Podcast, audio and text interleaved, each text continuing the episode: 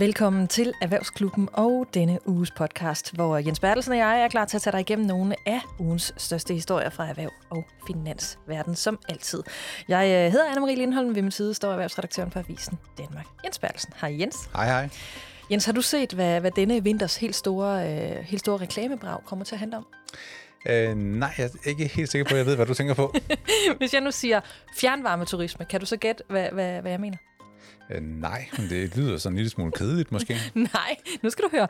Fordi sagen er den, jeg har set uh, i The Guardian, tror jeg det var, at både Spanien og Grækenland, de har planer om at, at kapre især europæiske kunder ned til deres feriedestinationer, altså for at få varmen. Og argumentet er jo så, at det vil være billigere her til vinter at rejse til Spanien eller Grækenland, end at blive hjemme og tænde for varmen. køber du den? Altså køber du øh, ikke rejsen vel, men argumentet?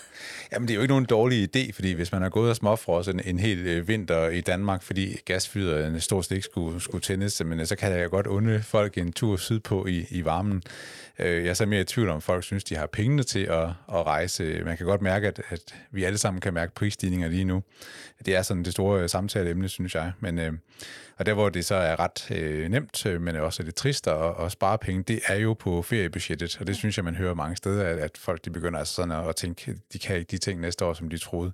Så det ved jeg ikke om Spanien og Grækenland, om de har taget bestik af. Men noget tyder jo på, at nu siger du til næste år, det kan godt være, men i år, der rejser danskerne som, øh, som aldrig før. Det er en overskrift, jeg har set i Berlingske fra morgenstunden, noget ikke at læse artiklen, men jeg vil bare sige, indtil videre, så har man altså holdt fast i de rejser, øh, som, øh, som man, øh, man har booket.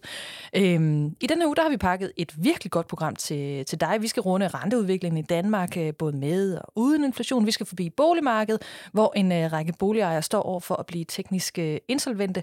Og så skal vi først og fremmest til en snak om dansk økonomi, og den kommer her.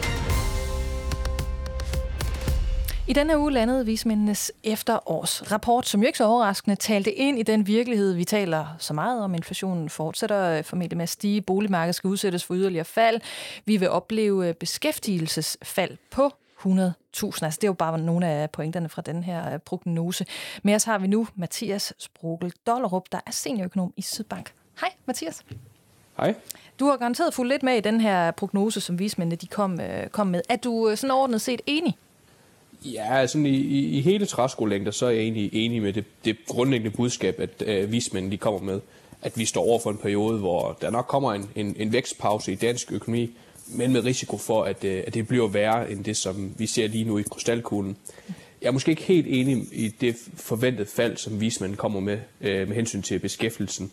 Der er jeg lidt mere optimistiske. Øh, men men det, er, det er klart, retten lige nu den peger sig mod, at det bliver mere tunge skyer ud i horisonten. Men er der egentlig grund til at være bekymret? Altså, vi har talt meget om det på redaktionen i den her uge. Altså, set i et historisk perspektiv, hvor, hvor dyster en prognose er det her, er det her så? Det er jo ikke en, det er jo ikke en, en finanskrise-scenarie, som, som vismænd de, de, de udruller. udruller. Øhm, det er jo stadigvæk øh, som det, de kalder for en, for en vækstpause. Altså, når, når de ser ind i krystalkuglen, så forventer de egentlig om, om et par år, jamen, så er økonomien lige så stor, som den er i dag. Og, og det er selvfølgelig jo ikke, vi har jo selvfølgelig håbet på, at det kunne blive endnu større økonomien, men, men det er jo heller ikke fordi, at de ser ind i, at, at økonomien måske kollapser med, med 4-5 procent, som, som under finanskrisen. Så, så, så det er stadigvæk, øh, der er stadig en vis optimisme omkring, at, at økonomien er, vil være forholdsvis robust igennem den her energi- og inflationskrise. Altså jeg så jo den tidligere vismand Michael Svare være ude og, og kommentere på, på prognosen, som viser, at inflationen er færdig med at stige allerede til næste år. Det var i hvert fald hans vurdering. Deler du også den prognose, altså de her inflationsstigninger, de er slut fra, fra 2023? Ja, det, der, der kommer stadigvæk til at være, være, være pres på, på inflationen, tror jeg, de, de næste måneder. Mm. Øhm, fordi at virksomheden stadigvæk oplever et, et enormt stort omkostningspres. Øhm, elprisen er stadig meget høj, og gasprisen er meget høj, og, og, og jeg kan jo egentlig se, at, at de prisstigninger, jeg møder ude i Rema og Bilka osv., de er faktisk for, for, for lave i forhold til, hvad virksomheden oplever af omkostningspres. Så, så jeg synes stadigvæk, der er, der er en grund til at tro på, at virksomheden ikke er helt er færdig med at skubbe nogle, nogle regninger videre ud til forbrugerne. Mm. Men det er også rigtigt, vi kan se, at mange ting begynder at pege i den rigtige retning. Altså virksomheden siger, at de har alt for store lager. Øhm, råvarepriserne falder, energipriserne er også begyndt at falde, fragtretterne ikke mindre er faldet ganske betydeligt. Så der er nogle ting, der peger i retning af, at, at inflationen vil, vil aftage øh, formentlig ganske betydeligt øh, ind i 2023. Øh, men jeg tror godt, den kunne blive lidt højere end stadigvæk, end hvad, hvad, hvad, hvad vismændene og, og måske Michael Svare tror. Mm. Der kan altså være en risiko for, at der kommer et, et, et, et lønpres nu her øh, i halene på, på, på den her inflation. Der kommer en del overenskomstforhandlinger i dansk økonomi, hvor jamen, hvor vi ser, at lønmodtagerne de, de kommer som nogle, nogle ret høje krav. Øhm, og det betyder jo, at inflationen kan bide sig lidt mere fast, end vi ser på nuværende tidspunkt. Altså, jeg kunne egentlig godt tænke mig at dykke ned i sådan det økonomiske scenarie, altså når, øh, når inflationen stopper med at stige, altså, og den bliver ja, stillestående. Hvad for et økonomisk scenarie vil så udspille sig derefter? Hvad, hvad, hvad, hvad, hvad vil der øh, ja, typisk ske? Forhåbentlig kan vi komme i en situation, hvor, hvor inflationspresset aftager, vi kan begynde at få lidt større lønstigninger, uden at de bliver sådan ukontrollerbart store. Mm. Så vi igen kan få sådan en, en, en fremgang i vores, vores rådighedsbeløb, altså en fremgang i vores realløn, og, og at forbrugerne dermed igen får noget optimisme, og, øhm, og virksomheden der vi igen får, får, får nemmere ved at afsætte øh, deres varer. Øhm, og, og man generelt får en større sigtbarhed i, i, i økonomien, at, at vi ikke skal være usikre på, om, om, om inflationen pludselig kommer igen. Det er det scenarie, vi, vi virkelig skal håbe på. Mm. Fordi så, så vil der være grobund for at tro, at, at økonomien den igen kan få noget, noget tiltrængt luft. Men er det helt utænkeligt, at vi vil stå i en situation, hvor vi kommer til at opleve deflation, altså i halen på den her inflation. Altså der, hvor prisen på strøm og gas især og andet energi bliver, bliver normaliseret og, og, og altså falder jo ikke også. Vil vi så ikke opleve deflation, fordi den her inflation, vi jo har set nu i høj grad, har været drevet af priserne på energi? Det kommer til at øh, afhænge i høj grad af, af udviklingen på, på, på energimarkedet. Øhm, fordi hvis vi ser fortsat øh, store vedvarende fald, som vi har set siden sommeren, så kan man, man sagtens forestille sig, at, at vi får en periode, hvor, hvor den generelle inflation vil, øh, vil være deflation, altså hvor vi har negativ øh, inflation. Øhm, men, men det er simpelthen så usikkert lige nu at spå om, om hele energimarkedet. Mm. Øhm, vi ser jo, hvordan der lige nu sker lækage rundt omkring på gasledninger og olieledninger. Og, og hvad nu, hvis vi ser en kæmpe lækage på en eller anden stor rødling, eksempelvis Baltic Pipe fra, fra Norge, der, der, der sender gas fra Norge ned i Europa, jamen, så, så har vi lige pludselig måske noget kaos på energimarkedet igen. Øhm, så det er bare enormt svært at spå omkring de her energipriser. Ja, jeg, jeg hører dig heller ikke øh, på den måde spå, at det her det vil ske. Det er mere at spekulere i, hvad sker der? En, altså, hvis scenariet øh, bliver, at priserne de, øh, de falder, øh, fordi at øh, især energipriserne øh, rammer et, øh, et, et mere normalt øh, niveau, øh, og vi bliver ramt af den her deflation, hvor langvarig skal den deflation være øh, for at gå ind og påvirke renterne? Altså historisk, eller normalt, så vil man som økonom sige, at, at deflation, det er sådan set også rigtig, rigtig skidt, fordi at, mm. jamen, så vil vi forbrugere øh, måske udskyde mange af vores øh, øh forbrugsmuligheder øh, øh, og, og, og mønstre, fordi jamen, skal jeg så bare vente et år med at købe det der fladskærm, fordi hvis det er blevet 10% billigere om et år, jamen, så skal jeg da ikke betale 10% for meget for det nu. Øhm, men, men måske i den nuværende situation, så kunne være sådan en, en kortvarig periode med, med, med noget deflation, hvor, hvor vi ser, at vores elregning begynder at falde, og vi ser, vores gasregninger falder. Øhm, det kunne måske give noget, noget luft til, til økonomien, fordi det, det vil rette lidt op på det her, øhm, den her udhuling af købekraften. Men, men sådan et, et langvarigt periode med, med deflation, det, det vil ikke være ønskværdigt. Så det, det skal være sådan et, en forholdsvis øh, kort periode med, med, med deflation, og, og så skal vi gerne se, at, at inflationen igen rammer et, sådan et stabilt leje på 1,5-2 procent, og der er sigtbarhed i det. Okay. Øh, langvarig periode med deflation, det er heller ikke godt. Kan du så gøre os lidt klogere på, øh, hvorfor ja, især nationalbankerne i USA, Europa og, og så videre, men jo også herhjemme, altså hvorfor de arbejder med, med renteudviklingen på den her meget klassiske måde. Altså når vi ser øh, inflationen stiger, så, sti, så stiger renten så også, altså, så sætter de renten op. Men fordi den virkelighed, der driver inflationen lige nu, den er vel den er jo alt andet end klassisk. Altså fordi krig jo især har udløst inflation på især, øh, på især energi. Eller undskyld, prisstigninger på især energi. Ja, det, det er egentlig lidt et to-delt to billede øh, for den amerikanske og for den øh, europæiske centralbank. Det er rigtigt, hjemme i Europa, så handler inflation rigtig meget om, om, om, om de prisniveauer, vi set på gas og el, øh, blandt andet forårsaget af krig, men, men de var jo egentlig også begyndt at stige inden, fordi der begyndte Putin jo faktisk allerede inden krigen at skrue ned for, for, for gashandlen. Men, men ser vi i USA, så ser vi et meget større øh, indlandsk, indlandsk prispres, altså fordi at derover får de jo rigtig, rigtig store lønstigninger. Øhm, og man har også haft øh, en for stor økonomisk fremgang efter corona. Der har simpelthen været for meget efterspørgsel i forhold til, hvad den amerikanske økonomi har kunne øh, producere og, og i hele, hele tiden haft kapacitet til.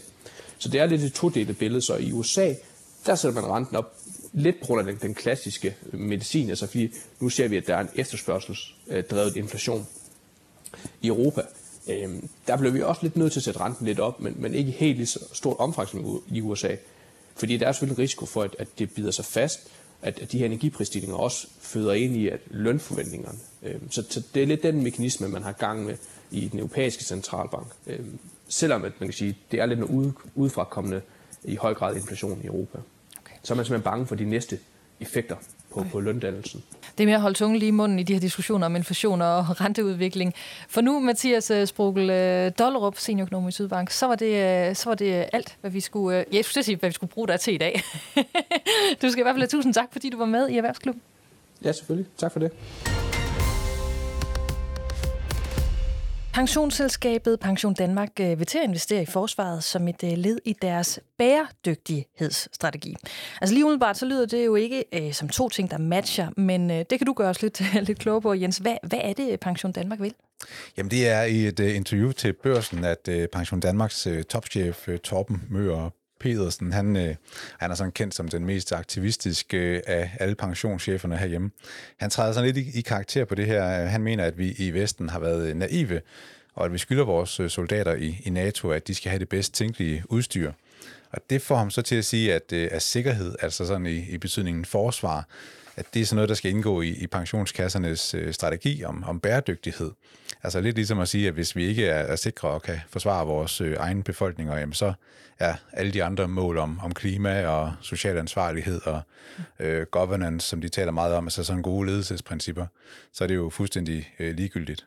Men giver de, øh, giver de synspunkter mening for dig? Jamen altså, krigen i Ukraine har nok flyttet, flyttet sådan mange i forhold til, at, at det ikke bare er i, i orden. Altså, det er også fuldstændig nødvendigt, at vi har et stærkt forsvar, at vi, at vi køber våben, og at vores soldater har øh, det rigtige udstyr. Øh, man skal ikke ret langt tilbage, øh, sådan set bare før den 24. februar, før våbenindustrien blev sådan betragtet som øh, kontroversiel og, og uetisk. Øh, det var de ord, som Danske Bank øh, brugte så sent som i november sidste år i en rapport, hvor de havde en lang liste over virksomheder, som, som Danske Bank ikke ville have noget at gøre med. Så, så dem, der arbejder med, med forsvar, jamen, de var faktisk sådan i samme bås som øh, tobak og alkohol og, og gambling. Øh, og jeg ved ikke, hvor Danske Bank står hen i dag, men, øh, men der har faktisk også været mange andre, altså både banker og pensionskasser og kapitalfonde og den slags, der har haft sådan nogle øh, regelsæt. Så det har, øh, det har ført til flere eksempler på, at, at våbenindustrien har svært ved at, at skaffe øh, kapital. Om omvendt kan du sige, hvis du skulle bygge en vindmølle, så stod alle jo i kø for at, at komme hen til dig. Men, øh, men der er så sket noget nu. Jamen, hvad er det mere konkret, de vil investere i? Jamen, de står jo klar med en pose penge nu til at, at øh, investere i virksomheder, i virksomheder, der udvikler forsvarsmateriel. Øh, krudt og kugler, kan du sige, det er krigsskibe, radarsystemer. Det er slags, hvor vi faktisk har ret stærke virksomheder herhjemme. Øh, Pension Danmark er faktisk allerede med i et øh, projekt øh, om at finansiere nye patruljeskibe til det danske forsvar, som skal bygges med, med mange danske virksomheder indover. over. Men, øh, men de vil faktisk også gerne øh, drive øh, kaserner, altså hvor den danske stat så er, er kunden. Øh, og så står Pension Danmark så for at, at drive øh, bygningerne, hvor de her danske soldater skal, skal passe på vores land. Men, men på hvilke områder, altså ved investering, som det du er inde på her, øh, og som det Pensions Danmark øh, så gerne vil, altså på hvilke områder vil det give et løft? Altså hvor er det, vi i Danmark halter bagefter? Jamen siden den kolde krig, der har vi, eller afslutningen på den kolde krig, der har vi jo haft enorme besparelser på, på forsvaret herhjemme. Lukket kaserner, øh, udsultet vores øh, materiel, øh, så vi kan jo reelt ikke forsvare vores land øh, i forhold til en, en, en mulig fjende, hvis vi kan sige det på den måde. Øh, forsvaret er sådan blevet indrettet til at løse øh, internationale operationer, men ikke til at passe på Danmark med ubåde og sådan landbaseret luftforsvar, som, som man taler om, at der, der pludselig er brug for. Øh, vi har ikke kampvogne i det omfang, der skal til for, øh, de kan ikke køre øh, alle sammen dem, der er og sådan noget. Det skal der jo ændres på, fordi nu har Danmark jo sagt ja til, at vi skal opfylde det her krav fra NATO om, at vi skal bruge 2% af BNP på, på forsvar. Og det er der jo også flere andre NATO-lande, der skal. Så det fortæller jo, at det her er jo en, en branche i vild vækst i de kommende mange år. Så øh, der, der skal produceres kampvogne, krigsskibe, missilsystemer og, og den slags. Så hvor sikker en, en forretning kan det blive? Altså hvis det handler om at drive en kaserne, øh, så er det meget, meget sikkert, øh, sådan set som en investering, fordi statskassen øh, skal nok betale sin husleje, det, det har de altid gjort, øh, så er afkastet så til gengæld heller ikke særlig stort. Øh, hvis det handler om at investere i, i virksomheder, øh, måske nogen, der er på et tidligt stadie og vil udvikle nogle nye øh, teknologier, jamen så er risikoen meget større, øh, og det vil gevinsten jo så også være, hvis øh, pensionskassen rammer rigtigt. Men det er jo ligesom i alle deres andre investeringer, at de har en, en pulje af ting, hvor, hvor øh, der er en høj risiko, men, men hvis det går godt, så tjener de masser af penge til deres pensionsopsparer. Øh, det nye er så bare, at, at det også er krudt og kugler, der indgår i den øh, pulje der. Men nu sagde du jo selv tidligere, øh, at Danske Bank for noget tid siden havde været inde på det her, at det er på linje med, med at investere i tobaksindustrien. Altså kan de her investeringer også medføre øh, altså en helt naturlig kritik også for deres kunder?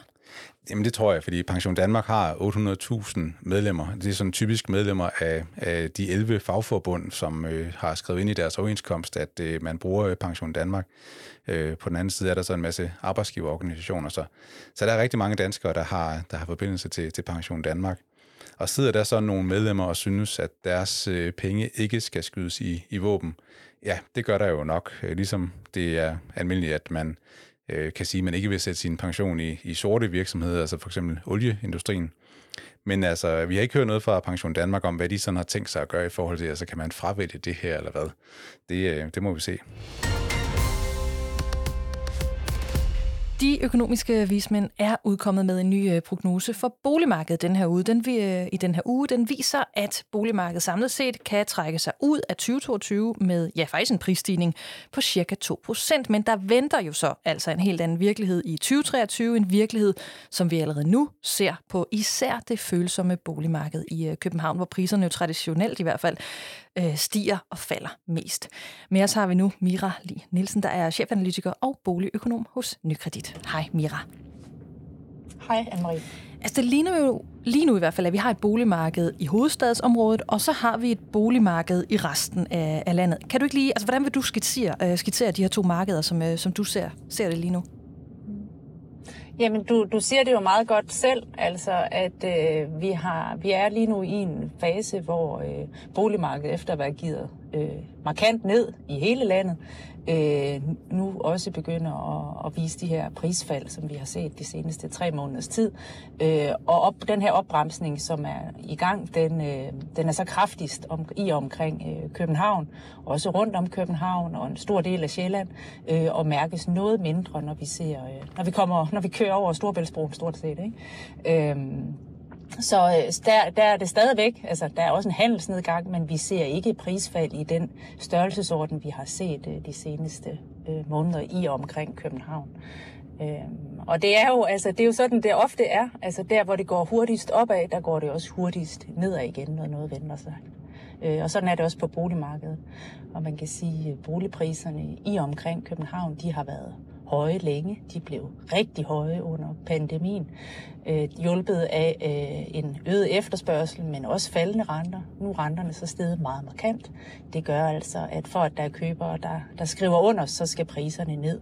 Øh, og de er sådan set allerede faldet knap øh, 6 procent, hvis vi sådan hiver sæsonens betydning ud af dem her de seneste måneder. Så det er et helt andet boligmarked, end vi så øh, øh, sensommeren øh, sidste år. Mm. Altså, det er jo så især, hvad kan man sige, det er boligmarkedet, især lejlighedsmarkedet, ikke også i København, som tager det her første, og vel forventeligt også det største slag på den lidt længere bane. Altså, hvad forventer du, at det her det udvikler sig til? Jamen altså, vi kommer til at se nogle, nogle prisfald hen over det næste halvandet års tid, øh, og når vi sådan gør dem op i dag, så er vi jo der, hvor vi sådan siger, altså på landsplan mener vi fra toppen i, hen omkring juni måned i år, og til priserne bunder igen, så vil de være faldet knap, øh, så vil de være faldet omkring 9-10 procent på landsplan, øh, men i København kan vi altså sagtens se 17-18 procent, og måske endda øh, mere. Så, øh, så det der landsplanstal, det dækker jo tit, og det er også det vismændene ud med, det dækker jo over nogle markante forskelle, også i forventningerne til, øh, til ja, fremadrettet. Men er der områder... Men jeg vil så også sige, okay. det er altså ikke kun, det er altså ikke kun, det er altså ikke kun øh, lejlighederne, det er også husene.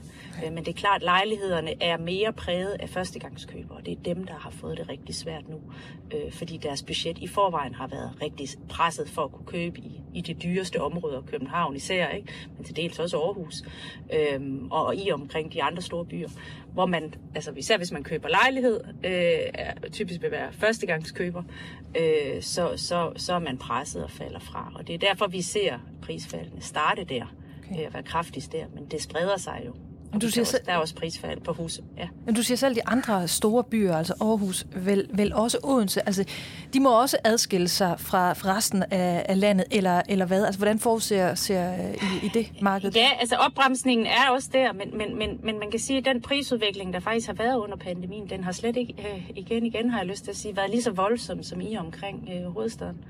Øh, så, så vi forventer heller ikke lige så store prisfald. Øh, fald der. Øh, altså, selvom, selvom det også går ned ad bakke, og mere ned ad bakke med priserne der, end vi forventer i, i store dele af Sydjylland, hvor man faktisk kan se, at der stadig er, priserne holder niveau endnu.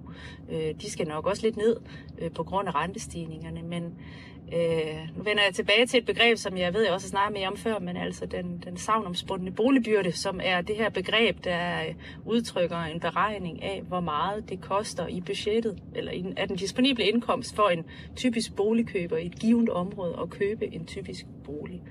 Den er meget høj i dag rundt omkring København. Det vil sige, at der er nærmest ikke noget at give af øh, eller i hvert fald vidner om, at, at, at der er en ubalance, der skal korrigeres mm. efter de her andre stigninger. Men kigger vi på store dele af, af Jylland, og også, også dele af Fyn, men Nordjylland, Sydjylland, store dele af Vestjylland osv., så, så, så er det på trods af rentestigninger, så er det sådan historisk set ikke sådan dyrt at købe bolig i dag i de områder. Fordi indkomsterne gennem en lang årrække, inden boligpriserne begyndte at stige under pandemien, øh, fordi folks indkomster er steget mere end boligpriserne, Øhm, så derfor forventer, ser vi ikke den samme ubalance. Markedet skal ikke ligesom give sig lige så meget i de steder, som, som det skal øh, i, i omkring København. Men det er, når vi udelukkende ser på boligudgifterne og boligfinansieringsomkostninger. Fordi der er jo mange andre ting, der også lige nu rammer os, og, altså os alle sammen og boligmarkedet. Der tænker især på den her meget høje inflation, øh, som, som jo bremser dansk økonomi helt generelt, og, og der er forventninger om øh, øh, en markant arbejdsløshedsstigning. Og det er jo noget, som så også rammer boligmarkedet mere bredt. Mm. Ja, så jeg så dig, jeg så dig citeret, jeg mener, der var en artikel fra Børsen i den her uge, altså hvor du var inde på, at, at den her udvikling på boligmarkedet, det er nok især det københavnske boligmarked, altså det betyder, at en række boligejere vil blive teknisk insolvente. Altså for det første, hvem er det, og hvad, hvad vil det betyde for, for dem, øh, det her det vedrører? Øh, ja, øh, jamen det betyder jo, øh, altså hvem er det? Altså dem, der er mest udsat på boligmarkedet, det er jo dem, der lige har fået foden indenfor, og hvor deres, den gæld, de har optaget for at købe boligen, ikke er særlig meget mindre end det, de har givet for boligen. Og det betyder, at hvis boligpriserne falder, så kan de stå i en situation, at hvis de nu er tvunget ud i at sælge, øh, at de så skal sælge med et tab og tage noget gæld med sig. Det er sådan i det, det der det værste tilfælde, kan man sige. Øh, men det, selv hvis man bliver boende, det har mange af os prøvet øh, igennem perioder. Jeg, jeg er ret sikker på, at vi også var det i en periode, lige da vi trådte ind på ejerlejlighedsmarkedet i 8, og så i nogle år efter. Og det, det gør, det er jo altså, at, øh, at man ligesom... Øh, at, at, at, at man er mere bundet i sin lejlighed. Du kan ikke bare flytte, fordi at, at du, øh, øh, du vil skulle tage, og du vil skulle acceptere et tab på boligen og, og tage gæld med dig videre, så er det ikke sikkert, at du kan komme videre. Men det kan jo også bare skabe en utryghed, fordi man kan sige, at teknisk insolvens er jo, ja, det er teknisk. Det er teknisk begreb og måske lidt ud af virkeligheden, fordi hvis du skal blive boende i din bolig, så er det jo sådan set sådan, det er, at du har ikke mistet dit arbejde og bare betaler det, du nu engang øh, skal betale hver måned. Så er det sådan, det er, og så er forventningen også, at det vender igen på et tidspunkt. Øh, og, og det vi jo så også skal huske i den her situation, det er jo, altså der er rigtig mange, især førstegangskøbere, især i de dyre områder, der har finansieret deres boligkøb for et halvt år siden, for et år siden, med fast forrentet boliglån. Og det gør altså, at de i den situation, hvor de skal øh, sælge, fordi et par går fra hinanden, de skal flytte efter et arbejde, hvad det nu måtte være, som gør, at de vil sælge allerede igen om et års tid, eller sådan noget. Altså vil de fordi på grund af de her rentestigninger, så vil de kunne indfri deres øh, lån til en markant lavere kurs. Altså de skal betale færre penge tilbage, end de lånte. Og det gør altså, at det sikrer dem, på trods af, at måske boligen skal sælges øh, til lavere pris, end de købte den for. Som, og, og det skal vi huske, når vi taler om det her, fordi teknisk insolvens er noget teknisk. Øh, det er først den dag, hvis du er tvunget til at sælge øh, din bolig, at det kan blive et problem. Men der sikrer de fastforrentede lån altså rigtig mange, også førstegangskøb. Og hvad i forhold til resten af landets boligejere? Altså kan de så egentlig bare med alt det, du siger her, de, kan de sidde stille og roligt og hvile i de lån, de nu har, har valgt? Eller vil der også her være, være boligejere, som kan komme under pres? Øh, jamen, jeg tror, mange boligejere er under pres lige nu, men, men hvis vi sådan kigger bredt ud landet, så er det ikke så meget, så er det ikke så meget det her med, at boligpriserne skal noget ned, 0,5-7 øh, procent ned. Øh, så er det ikke det, der, der er den store udfordring. Så er det rent faktisk bare at betale. Altså de, de boligejere, så er det betale. De boligejere, og, og det er vi nok altså nogle af dem, som måske har været det længe. Det kan være, at de har haft en indkomstnedgang i den periode, efter de har købt deres bolig. Det er der, hvor det kan være svært at betale alle de andre stigende udgifter, der er. Øhm, øh, fordi man kan sige, at hvis du har et fastforrentet lån, så er der jo ikke rigtig noget ved det, der ændrer sig. Men der er jo så så meget andet omkring, der ændrer. Øh, der ændrer sig, fordi priserne stiger, og udgifterne bare helt generelt er, øh, er øget markant. Så det kan presse boligejere. Du skriver jo med, med jævne mellemrum øh, klummer til Avisen Danmark. Og der har Jens og jeg smugkigget lidt i den klumme, som du har med på søndag i, uh, i Avisen, hvor du jo ikke er meget for at råde kommende boligkøber til, om tiden er inde lige nu til at slå til på deres drømmebolig. Men du gør det alligevel lidt, øhm, og jeg understreger lidt, fordi hvordan lyder det her lidt tøvende råd for dig? Mm. Ja, jamen det lyder, at er du førstegangskøber, der kigger på lejlighed nu i, i en af de dyreste områder, så, så, så skal du altså være ekstra varsom og være klar over det, som vi jo lige har siddet og talt om. Altså at priserne, altså i sol, måne og stjerne og alt himmel, står der jo faktisk skrevet lige nu, at priserne øh, skal ned, de er begyndt at falde. Og det skal man have med sig, hvis man træder ind på det marked. At, at er du i en situation, hvor du er gud ved, hvilken årsag skal sælge allerede om et år, så kan det altså være, at, øh, at boligen er mindre værd. Øh, så, så det er noget, du skal have med i bagagen. Og bor du fint i dag, altså, så, altså det her med som ung førstegangskøber at træde ind på et boligmarked, som måske lige, måske, altså lige er efter toppen, ikke?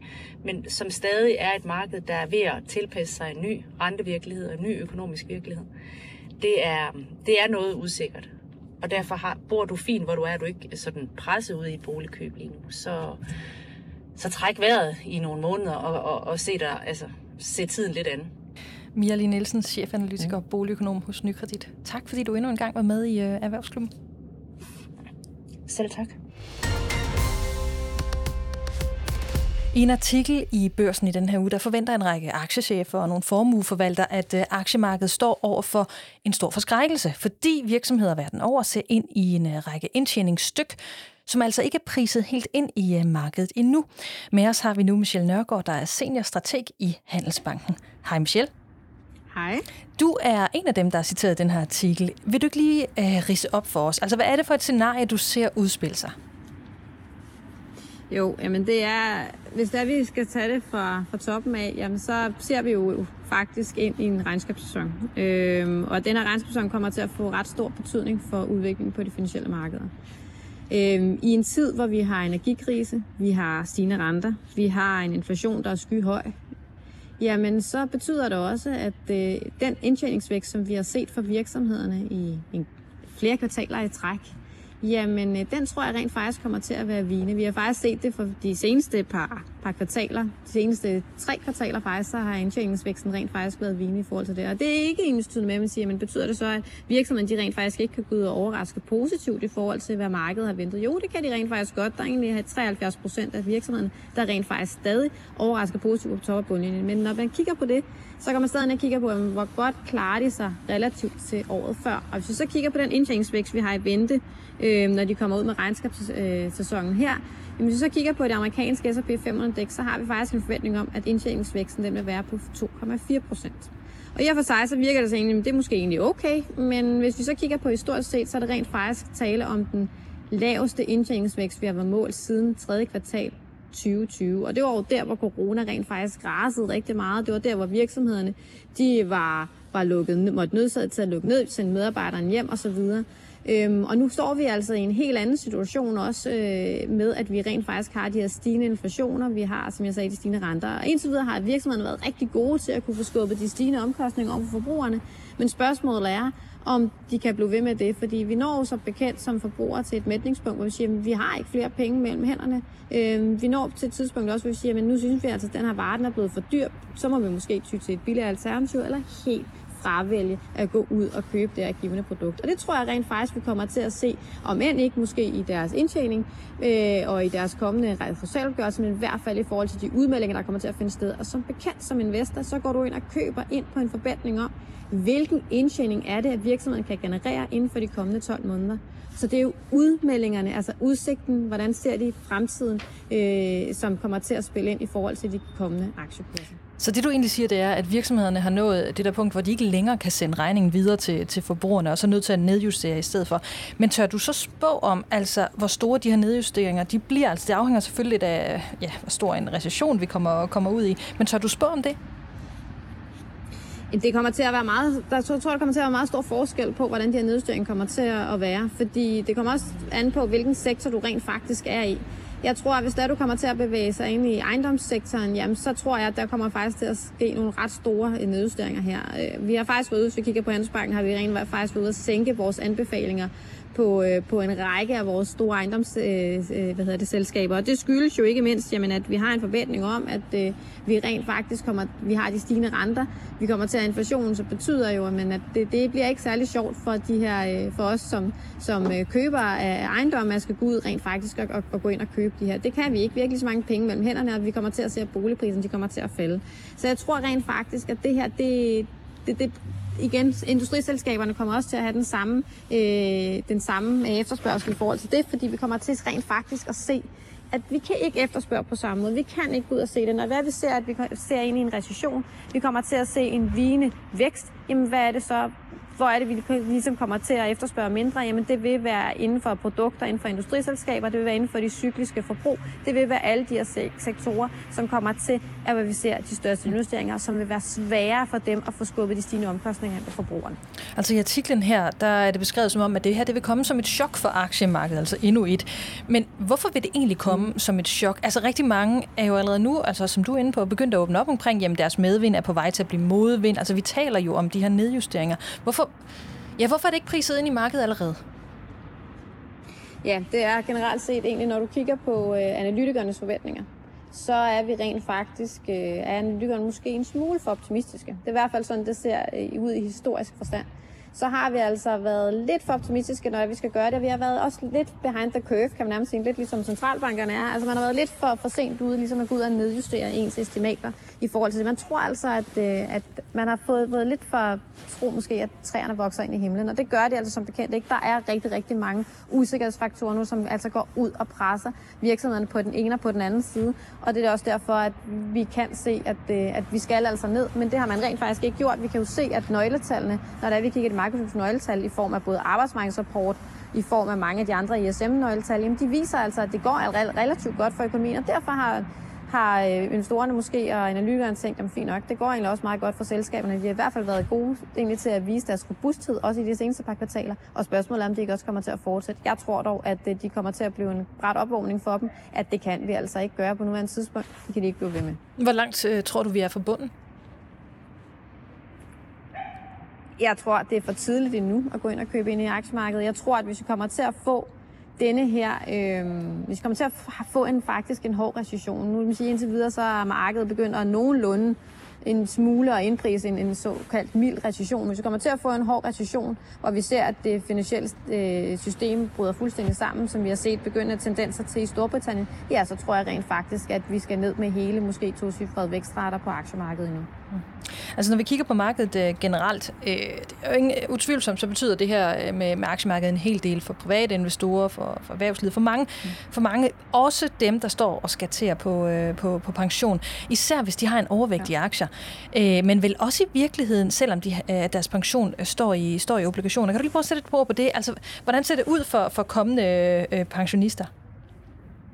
Jo, Og ja, det er fuldstændig rigtigt, at generelt set må man sige, at obligationer har vi jo, og statsobligationer i særdeleshed, har vi jo sagt, at det er rent faktisk den nogenlunde øh, mest stabile og sikre investering, man rent faktisk kunne foretage sig. Vi har fået egentlig noget afkast måske på 1-3 procent i forhold til obligationer. Men nu gør det, øh, har vi en helt anden virkelighed. Hvis vi går ind og kigger på rent faktisk øh, volatilitetsindekset på, øh, på, på obligationsmarkedet, ja, så ser vi rent faktisk, at vi ikke har set nogen større udsving på obligationsmarkedet øh, i rigtig, rigtig, rigtig mange år. Øhm, og det er, det er ret bemærkelsesværdigt, at vi både ser både på aktiemarkedet, de her store udsving, hvor investorerne er særdeles nervøse, men også i særdeleshed i forhold til, til obligationsmarkedet. Vi ved simpelthen ikke, hvordan man skal, hvordan man skal forholde sig til det. Og det skyldes i høj grad, at vi lige nu er der en armlægning mellem øh, centralbankernes øh, øh, øh, hvad hedder det, udmeldinger i forhold til deres fremtidige pengepolitik og i forhold til forventningerne. Vi har hele tiden set, hvis vi så den her bare for et par uger siden, hvor vi rent faktisk så, at renterne de begyndte at falde, vi så, at aktiemarkedet begyndte rent faktisk at stige ganske pænt i et par dage, jamen det var igen drevet af forventninger om, at centralbanken de ville egentlig lette foden en smule for den her bremse i forhold til deres aggressive pengepolitik, som vi hidtil har set. Men så fik vi igen stærke nøgletal fra USA i form af arbejdsmarkedsrapporten blandt andet, som jo meget klart manede det, den her forhåbning til jorden. Vi fandt ud af, jamen prøv her, kampen mod inflationen, kampen mod de her øh, og de her rentestigninger, de er altså kun lige begyndt. Og derfor så står investorerne hele tiden og siger, at vi ved ikke rigtigt, hvordan vi skal forholde os til det. Der er så mange divergerende signaler lige nu, som investorerne er rigtig, rigtig nervøse. Og det er altså både, når vi gælder inden for obligationsmarkedet, som rent faktisk flere steder, når vi blandt andet kigger på Storbritannien, så opfører de her statsobligationer sig rent faktisk som en emerging markedsobligation, som man mm. egentlig vil betegne som værende væsentligt mere risikofyldt relativt til mange en normal statsobligation egentlig er det. Og så bare lige for at binde sløjfe, fordi hvad betyder det så egentlig for, for pensionisterne? Er der nogen, øh, eller de kommende pensionister, er der nogen for hvem, der øh, står øh, på vej på, på pension under den, den her nedtur på aktiemarkedet, også i forhold til obligationerne, eller som i slipstrømmen på det her store aktiedyk? Altså for hvem, det er faktisk ikke, altså, det bedre ville kunne svare sig, hvis de kunne udskyde deres pension lidt. Ja, det vil jeg sige, men det handler også i høj grad om, hvordan de er positioneret. Altså, hvordan har de ligesom sammensat deres portefølje. Jeg håber i høj grad, at de har nogle dygtige øh, pensionsmennesker, der sidder rundt omkring, eller rådgiver, som rent faktisk har, øh, har valgt at lægge dem i de rigtige sektorer, fordi for bare et par år siden, så kunne man nærmest vælge stort set hvilken aktie eller hvilken sektor man rent faktisk ville ind i, den vil stige. Men det er en helt anden øh, scenarie, vi gør så gældende nu. Der er det rigtig, rigtig vigtigt med det her aktieudvælgelse og sektorudvælgelse til deltid om, jamen hvad er det egentlig for nogle, nogle hvor finder man de her guldæg? Øhm, og der er det på nuværende tidspunkt, vi anbefaler jo rent faktisk øh, investorerne, at det, de lad, gå nu ind og køb de her mere øh, stabile aktier, så som sundhedspleje, så som stabil forbrug, fordi det er altså nogle, de har nogle produkter, nogle ydelser, som vi rent faktisk skal gøre brug af desuagtet hvilken konjunktur vi er i, desuagtet hvad der sker på rentemarkedet osv. Så, så jeg vil helt klart anbefale, gå nu ind og kigge på, hvilke aktier I har liggende i jeres portefølje. Det er så vigtigt, måske vigtigere, end det har været i mange år, øh, at man gør det på noget tidspunkt. Men når du siger det på den måde, så bare lige for at forstå, altså, jeg, fordi jeg, jeg forstår, at det, øh, det vil øh, for nogle pension, eller kommende pensionister i hvert fald godt kunne svare sig og, og, og udskyde øh, pensionen, hvis, hvis deres portefølje er sat sammen på en, på en ja, uheldig måde. Men vil der være danskere, som ikke har råd til at gå på pension, altså for hvem det kan ramme så skævt? Det er svært at sige. Altså jeg vil sige, at markedet har faldet rigtig meget nu, og vi ved jo, at det er gået ud over rigtig mange pensionsafkast. Øhm, så, så det afhænger igen af, hvor meget har du fået lagt til side. Og det er også derfor, vi bliver ved med at sige, at det så blandt andet som kvinderne, som jo som i i hvert fald ikke har rigtig kommet ud på aktiemarkedet og egentlig har været tilbageholdende med egentlig at få investeret i, men de ser man jo også, at øh, i statistikkerne, at de rent faktisk har en, en mindre øh, pensionsopsparing til stede, end mændene har. Og jeg vil nok sige, at der kunne jeg godt frygte en lille smule i forhold til, om de egentlig har, har nok i forhold til nu med de her stigende obligationer osv. Øh, undskyld, med stigende ja, inflation, vi har haft, og de stigende renter. Så vil jeg nok måske gå ind og kigge lidt nærmere på, men hvordan er du egentlig her? Og det er også derfor, vi vil så gerne have flere af de her kvinder ud på, på, på aktiemarkedet, så de rent faktisk kan komme ud og få ynglet deres formue. Øhm, så det vil jeg nok sige i forhold til det her. Generelt set, så, så er der også, øh, hvis man skal kigge på i forhold til obligationer, så er de jo, er de jo steget rigtig kraftigt i renterne øh, på det seneste. Øh, ikke mindst baseret på den her udsigt til, at vi stadig ikke kan se, at inflationen den er toppet for alvor. Vi kan stadig ikke se nogen udsigt til, at øh, centralbankerne de ligesom vil, vil stoppe deres øh, aggressive øh, frembrusning i forhold til, til stramning af pengepolitikken. Så når de ligesom begynder at signalere det, så vil vi også se, at, at renterne de vil begynde at falde tilbage. Og generelt set, når du nærmer dig egentlig pensionsalderen, så har man rent faktisk som udgangspunkt egentlig en større overvægt af obligationer. Så der vil jeg nok måske vente en smule, for jeg tror, at vi kommer til at se rentefald, men det bliver ikke nu. Det kommer først til at ske, når det er, vi kommer til for alvor at se en signalændring i forhold til øh, centralbankernes øh, udmelding i forhold til deres fremtidige pengepolitik. Jeg, jeg tænker på, at der sidder nok nogen, der får lidt sved på panden, øh, også når de kigger på deres øh, pensionsopsparing lige nu. Og du taler om, at det, det er sådan et godt tidspunkt nu at satse på, på sådan noget som sundhedsaktier og, og, og sådan noget. Mm. Øhm, man kunne jo også bare sidde på hænderne og regne med, at det her går over, eller, fordi er det, er det ikke meget farligt at begynde at sælge ud nu, og så gå over i, i det, som man som kunne sige var, var lidt mere sikre investeringer? I forhold til at sælge ud af obligationer, det, vil, det er jeg fuldstændig enig med dig i. Altså alt det der, altid der med, at man altid forsøger at time markedet, det vil jeg være ekstremt påpasselig med. Det øh, er altid noget, som vi aldrig anbefaler øh, vores kunder at gøre. Vi anbefaler vores kunder derimod, at hvis der er, vi kommer til at se nogle gode handelssager med noget, med noget, øh, hvad hedder det, nogle stigninger, jamen så tag lidt af toppen af det her, for så har du altså likviditet igen til at kunne købe op, når det er, at vi ser de her fald på aktiemarkedet. Derudover så har vi også altid sagt til vores kunder på, at det er not, it's not time, it's not timing the market, but it's time in the market. Fordi jo længere tidshorisont du har, så vil man også se, at de her udsving, som måske på nuværende tidspunkt, når man går ind og kigger på ens depot, føles som rigtig, rigtig, rigtig store udsving, og som ikke føles særlig sjov, heller ikke i maven. Jamen, det betyder altså mindre og mindre, jo længere tidshorisont du har. Det vidner, viser alle statistikker, når du går ind og kigger på både udviklingen på aktiemarkedet, men altså også obligationsmarkedet.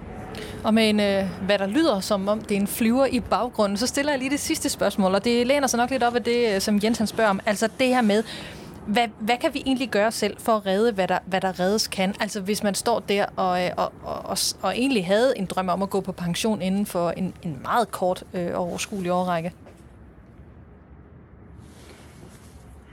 Øh, ja, så vil jeg nok gå ind igen og se på, hvad er det for nogle aktier, jeg har. Altså, hvordan er din portefølje sammensat? Jeg vil i høj grad gå ind og kigge på, jamen, at har jeg nogle stabile aktier? Har jeg nogle, stabile, øh, nogle, nogle, nogle aktier, som historisk set har vist, at de har kunne generere en stabil indtjeningsvækst? Det er så agtet, hvilken konjunktur vi har. Vi har jo stadig blandt andet, hvis vi kigger på DSV jo.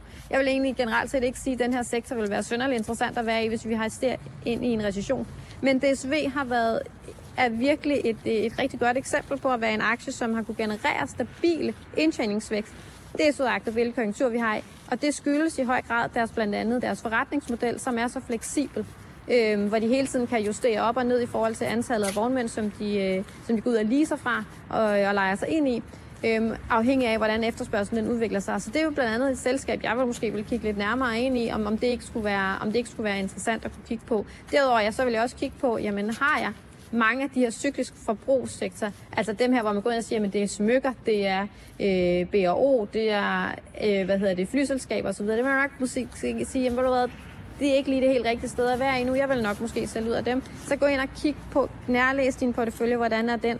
Og så som du selv siger, ja, så have lidt is i maven. Jeg ved godt, det måske ikke er særlig sjovt, men det vil jeg nok gøre i forhold til obligationerne, fordi jeg tror på, når der er, vi bevæger os ind i næste år, ja, så tror jeg formentlig, at, at vi kommer til at se, at aktie, øh, hvad hedder, renterne jamen, de er toppet, og derfor så tror jeg også, at vi begynder så småt måske at kunne se en, en, en, en signalændring i forhold til centralbankens udmelding om, hvordan de har tænkt sig, at deres fremtidige pengepolitik skal være. Michelle Nørgaard, seniorstrateg i Handelsbanken. Tusind tak, fordi du var med i Erhvervsklubben. Selv tak. Inden øh, vi runder af for, øh, for i dag, der skal vi lige vende øh, Sallings nyeste skud på stammen, nemlig deres øh, dagligvareforretning Basalt, der jo er solgt på at være discount, når det er bedst, 15% billigere end andre discountbutikker, siger de. Jens, Salling åbnede de første butikker i den her uge. Hvordan er det gået? Jamen, de første øh, tre butikker, de er jo, ja, de er åbnet på Amager, øh, i Helsingør og i Viby, uden for Aarhus. Og i Jysk Fynske Medier, der er vi så heldige, at vi har journalister alle vegne, så vi har faktisk haft reporter på pletten for at følge åbningen af de her butikker. Og grunden til, at vi har det, det er jo, at, at nyheden om, at, at Selling Group øh, åbner en ny kæde, kæde der lover 15% billigere varer end i andre uh, discountbutikker, det er altså noget, der har vist sig at have stor interesse hos, hos læserne.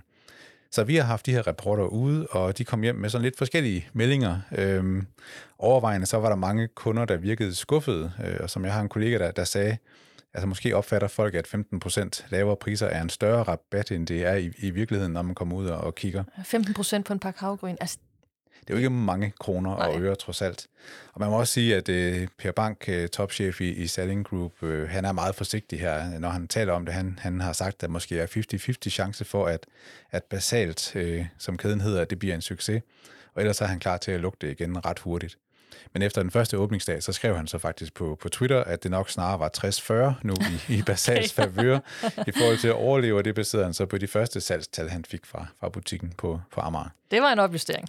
Men, men er der, sådan som du ser det, et hul i markedet til den her type af forretning? Altså, det er jo fint, at det er discount, og det er lidt øh, billigere, men man kan jo ikke købe alt, altså mælk og kød og sådan noget. Det, det, det, det skal man finde et andet sted.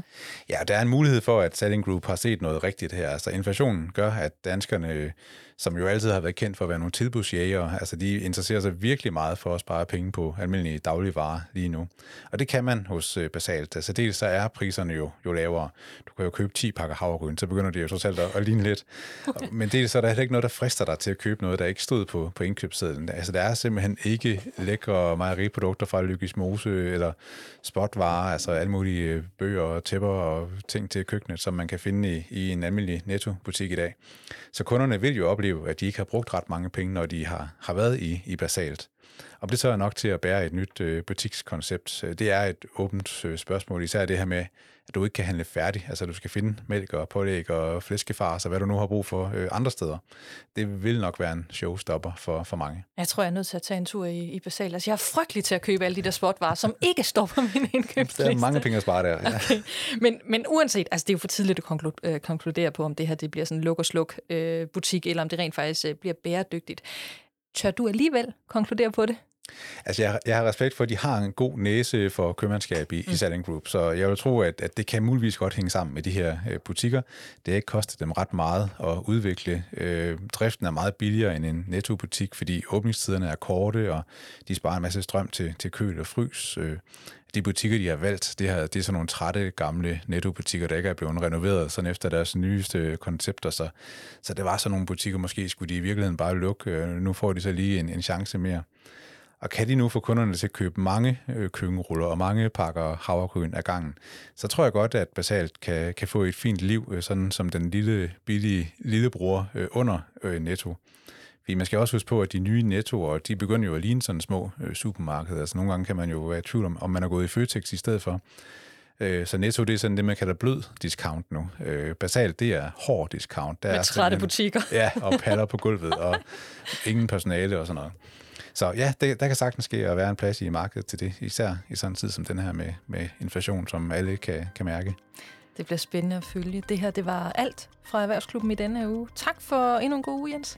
Selv tak. Til dig, der lytter med. Vi høres ikke ved igen om en uge, for både Jens og jeg, vi går på efterårsferie, så den her gang, der siger vi, vi høres ved igen om to uger.